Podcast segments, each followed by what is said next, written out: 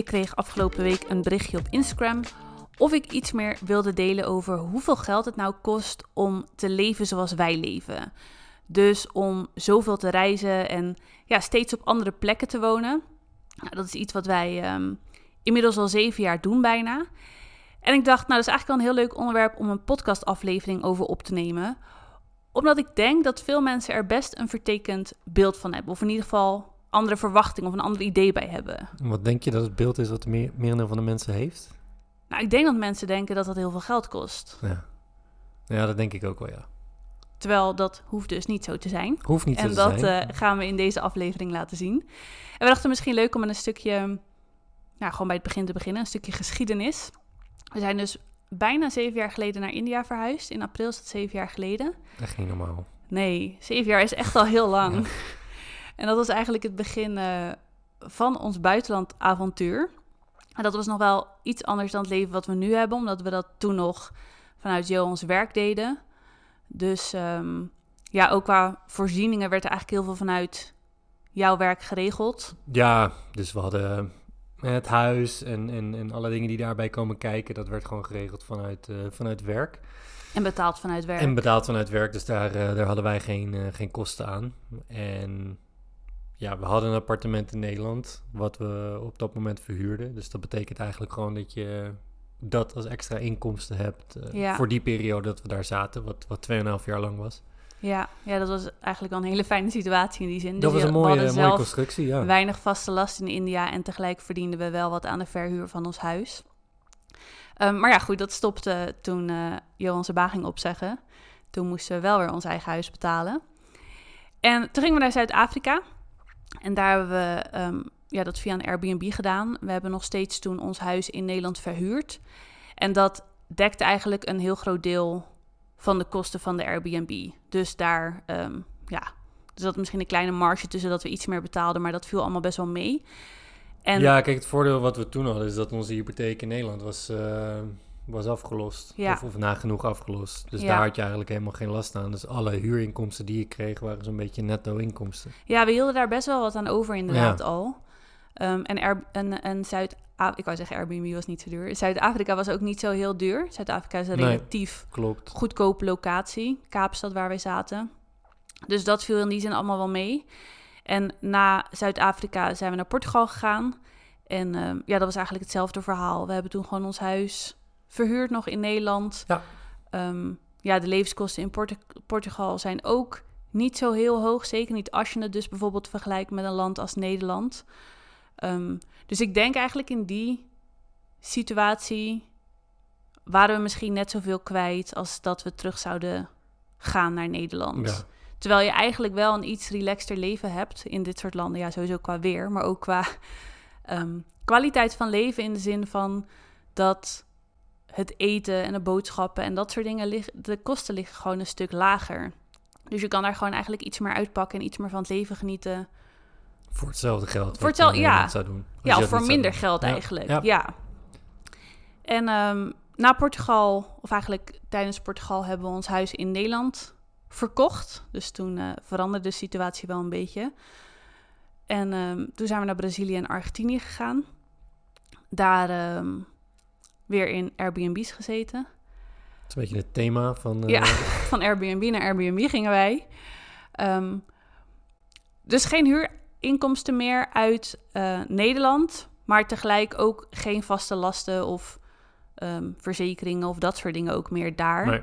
Dus dan heb je wel je Airbnb-kosten en alles wat daarbij komt kijken in het buitenland. Maar dat zijn dan eigenlijk je enige vaste lasten als het gaat om huisvesting. Dus Airbnb zijn relatief duur natuurlijk, omdat je gewoon voor de korte termijn betaalt. En dan betaal je altijd een stuk meer voor dan wanneer je iets voor de lange termijn huurt of wanneer je natuurlijk je eigen huis hebt. Ehm, maar tegelijk zijn dat dan de enige vaste lasten die je hebt. En als ik kijk naar wat je tegenwoordig qua huur betaalt in Nederland, dan eh, is dat vaak niet heel veel minder dan wat je voor een Airbnb in een land als Argentinië of Brazilië betaalt. Nee. Is het ook niet zo dat je met Airbnb een voordeel hebt op het moment dat je lange termijn... eh, Ja, je krijgt het wel die maandkortingen en zo. Ah ja, precies. Dus ik denk dat, eh, ja, misschien voor de beeldvorming dat mensen denken van, oh ja, als ik een weekendje boek of een paar dagen, dan Ja. is dat mega duur. Dat- het is niet goedkoop, maar je hebt, je hebt met die... Long met- als je term, long eh, term doet, korting. dan, eh, dan heb je daar ook nog eh, wat voordelen bij. Ja, nou ik denk als wij naar onze Airbnb's kijken, dan zat dat meestal beetje afhankelijk van de locatie tussen de 1200 en de 1800 per maand. Ja, Ehm, ja, misschien vinden sommige mensen dat heel hoog, misschien vinden sommige mensen dat heel laag, weet ik niet zo goed. Ehm, maar volgens mij is dat, als je iets in Nederland huurt tegenwoordig, dan eh, betaal je niet heel veel minder. En dan kom- komt je water en je gas en je elektriciteit en al die dingen er nog bij. Ehm, terwijl, ja, met zo'n Airbnb zit natuurlijk alles erop en eraan. ja. Dus dat ja, vind ik eigenlijk altijd wel heel erg meevallen. En daarnaast is het leven, wat we net al zeiden, ook net als met Zuid-Afrika en Portugal. Ook in Zuid-Amerika is het leven een heel stuk goedkoper. Nou, tegelijk geniet je daar dan ook net wat meer van. Dus je leeft misschien iets luxer dan wat je zou doen als je in Nederland zou blijven wonen. Maar ik denk dat als ik kijk naar eigenlijk al die locaties waar we geweest zijn, dat je niet heel veel duurder uit bent dan een gemiddeld gezin in Nederland aan. Kosten heeft, of een gemiddeld stel in Nederland aan kosten heeft. Terwijl je natuurlijk ondertussen wel heel veel van de wereld ziet en een hele hoge kwaliteit van leven hebt. Ja, het is wat je zegt, ook met het weer en, en de mogelijkheden die je hebt op die locaties om, om erop uit te gaan, te gaan onderzoeken. Kijk, dat, dat is natuurlijk wat je ook mee moet nemen in de vergelijking Ja, ergens. Hè? Want je, bedoel, je gaat naar het buitenland voor het avontuur en, en voor een andere klimaat en, en e- et cetera, et cetera, wat je niet hebt als je in Nederland Nee. blijft. Dus nee, dan eh, zit je met druilerige winters. En, Ja. ja. ja, en het is bij ons, kijk, sowieso is het nooit ehm, dat geld, dat we op die manier eigenlijk naar deze locaties hebben gekeken. Wij gingen gewoon waarvan we voelden van daar moeten we naartoe. Of dit is de plek waar we de komende tijd moeten zijn. En ehm, ja, ik denk over het algemeen zijn dat gewoon locaties die standaard iets goedkoper zijn in Nederland dan Nederland. Maar ik denk dat je dat al heel snel hebt, omdat Noord-Europa is gewoon relatief duur. Noord-Europa en Noord-Amerika, dan heb je eigenlijk de duurste plekken zo'n beetje ter wereld. Ja, En dan, ehm, en dan is al het andere gauw al goedkoper. ja. ja, maar wij hebben dus eigenlijk nooit heel erg gekeken naar...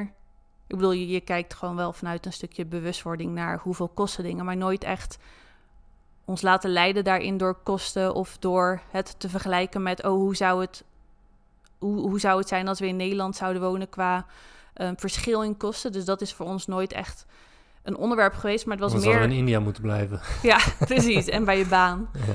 Ja, maar het was voor ons meer dat toen we deze vraag kregen, dat we dachten van... Oh ja, het is eigenlijk wel heel grappig dat mensen al heel snel invullen dat dit heel veel geld kost. En toen gingen wij dus op een rijtje zetten. En dat we toen dachten van ja, volgens mij hebben wij nou nooit echt heel veel hogere lasten gehad Nee. dan de gemiddelde mensen in Nederland. Terwijl als je kijkt naar de avonturen inderdaad die we hebben beleefd... en de landen en de plekken die we hebben gezien... en ja, het lekkere weer wat we hebben gehad... het goede eten waar je van hebt kunnen genieten... dat je eigenlijk gewoon echt een heel mooi leven hebt gehad...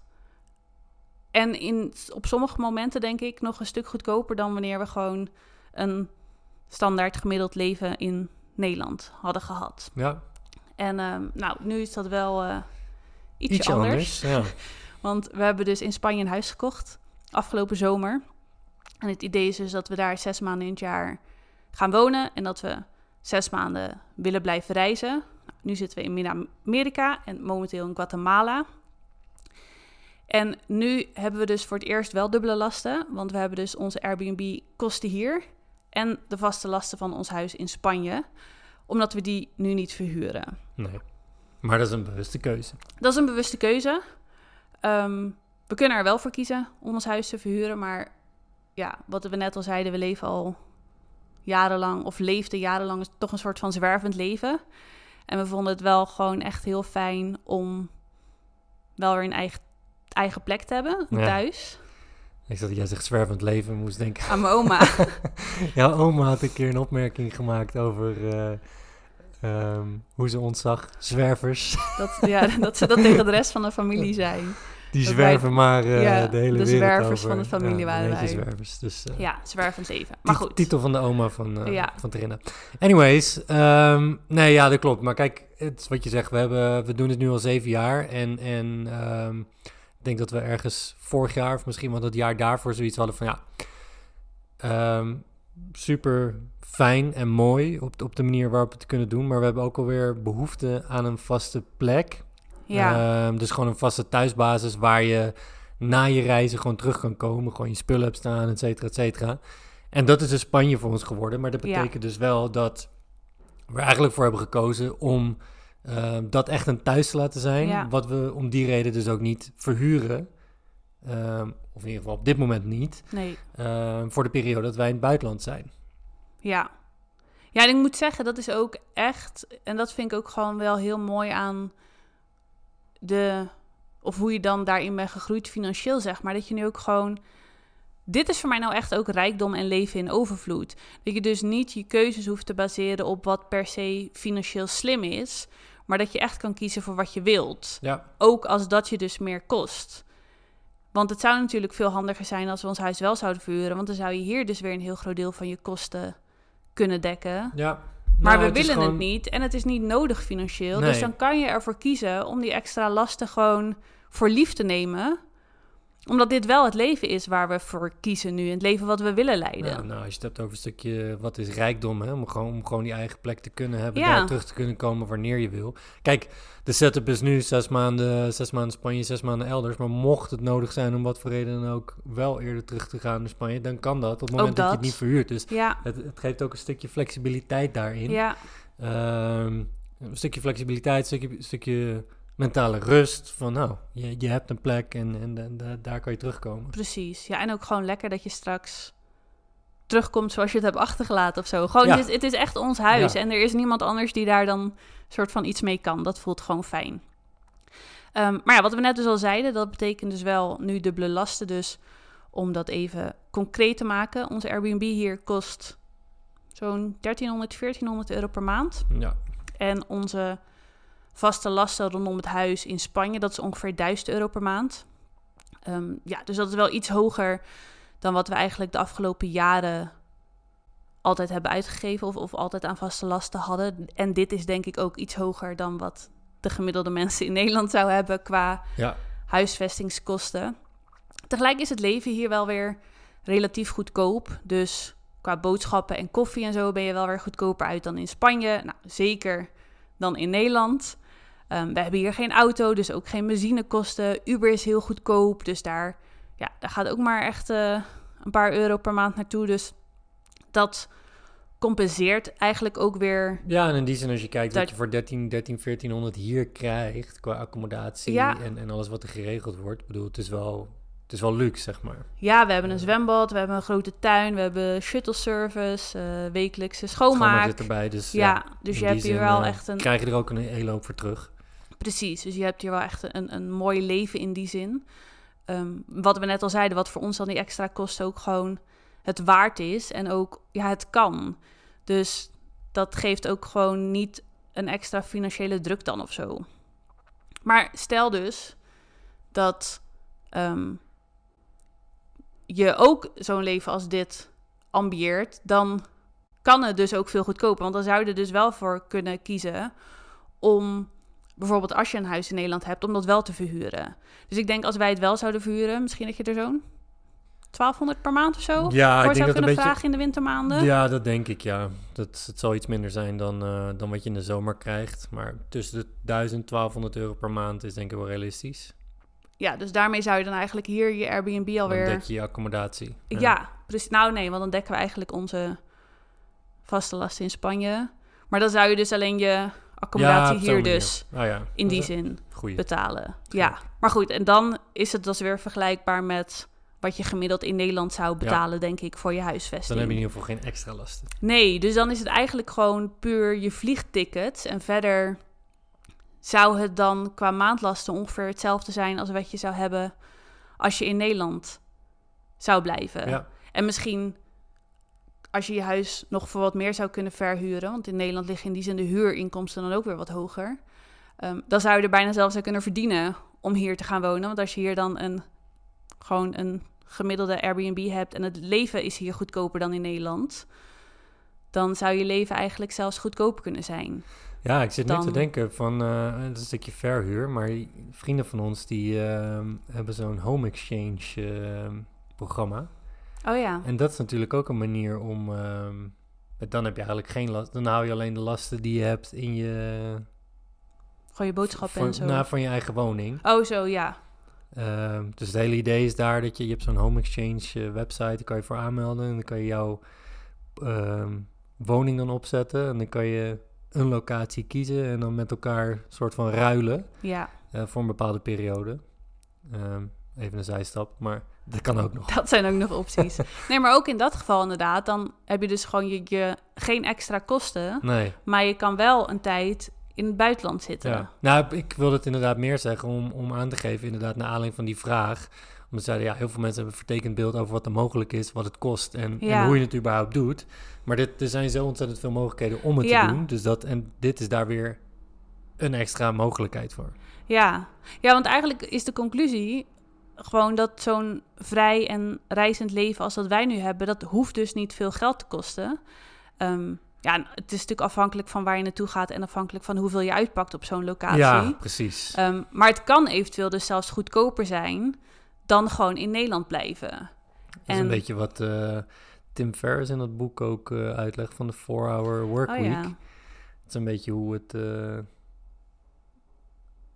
tenminste, de, een beetje de grondlegger van, eh, van de, new, de New Rich Ja. beschrijft hij dan, om, om dat op die manier te doen. Maar dat, dat is eigenlijk eh, iets wat veel mensen niet weten of, of überhaupt denken van, oh, is dat überhaupt wel mogelijk?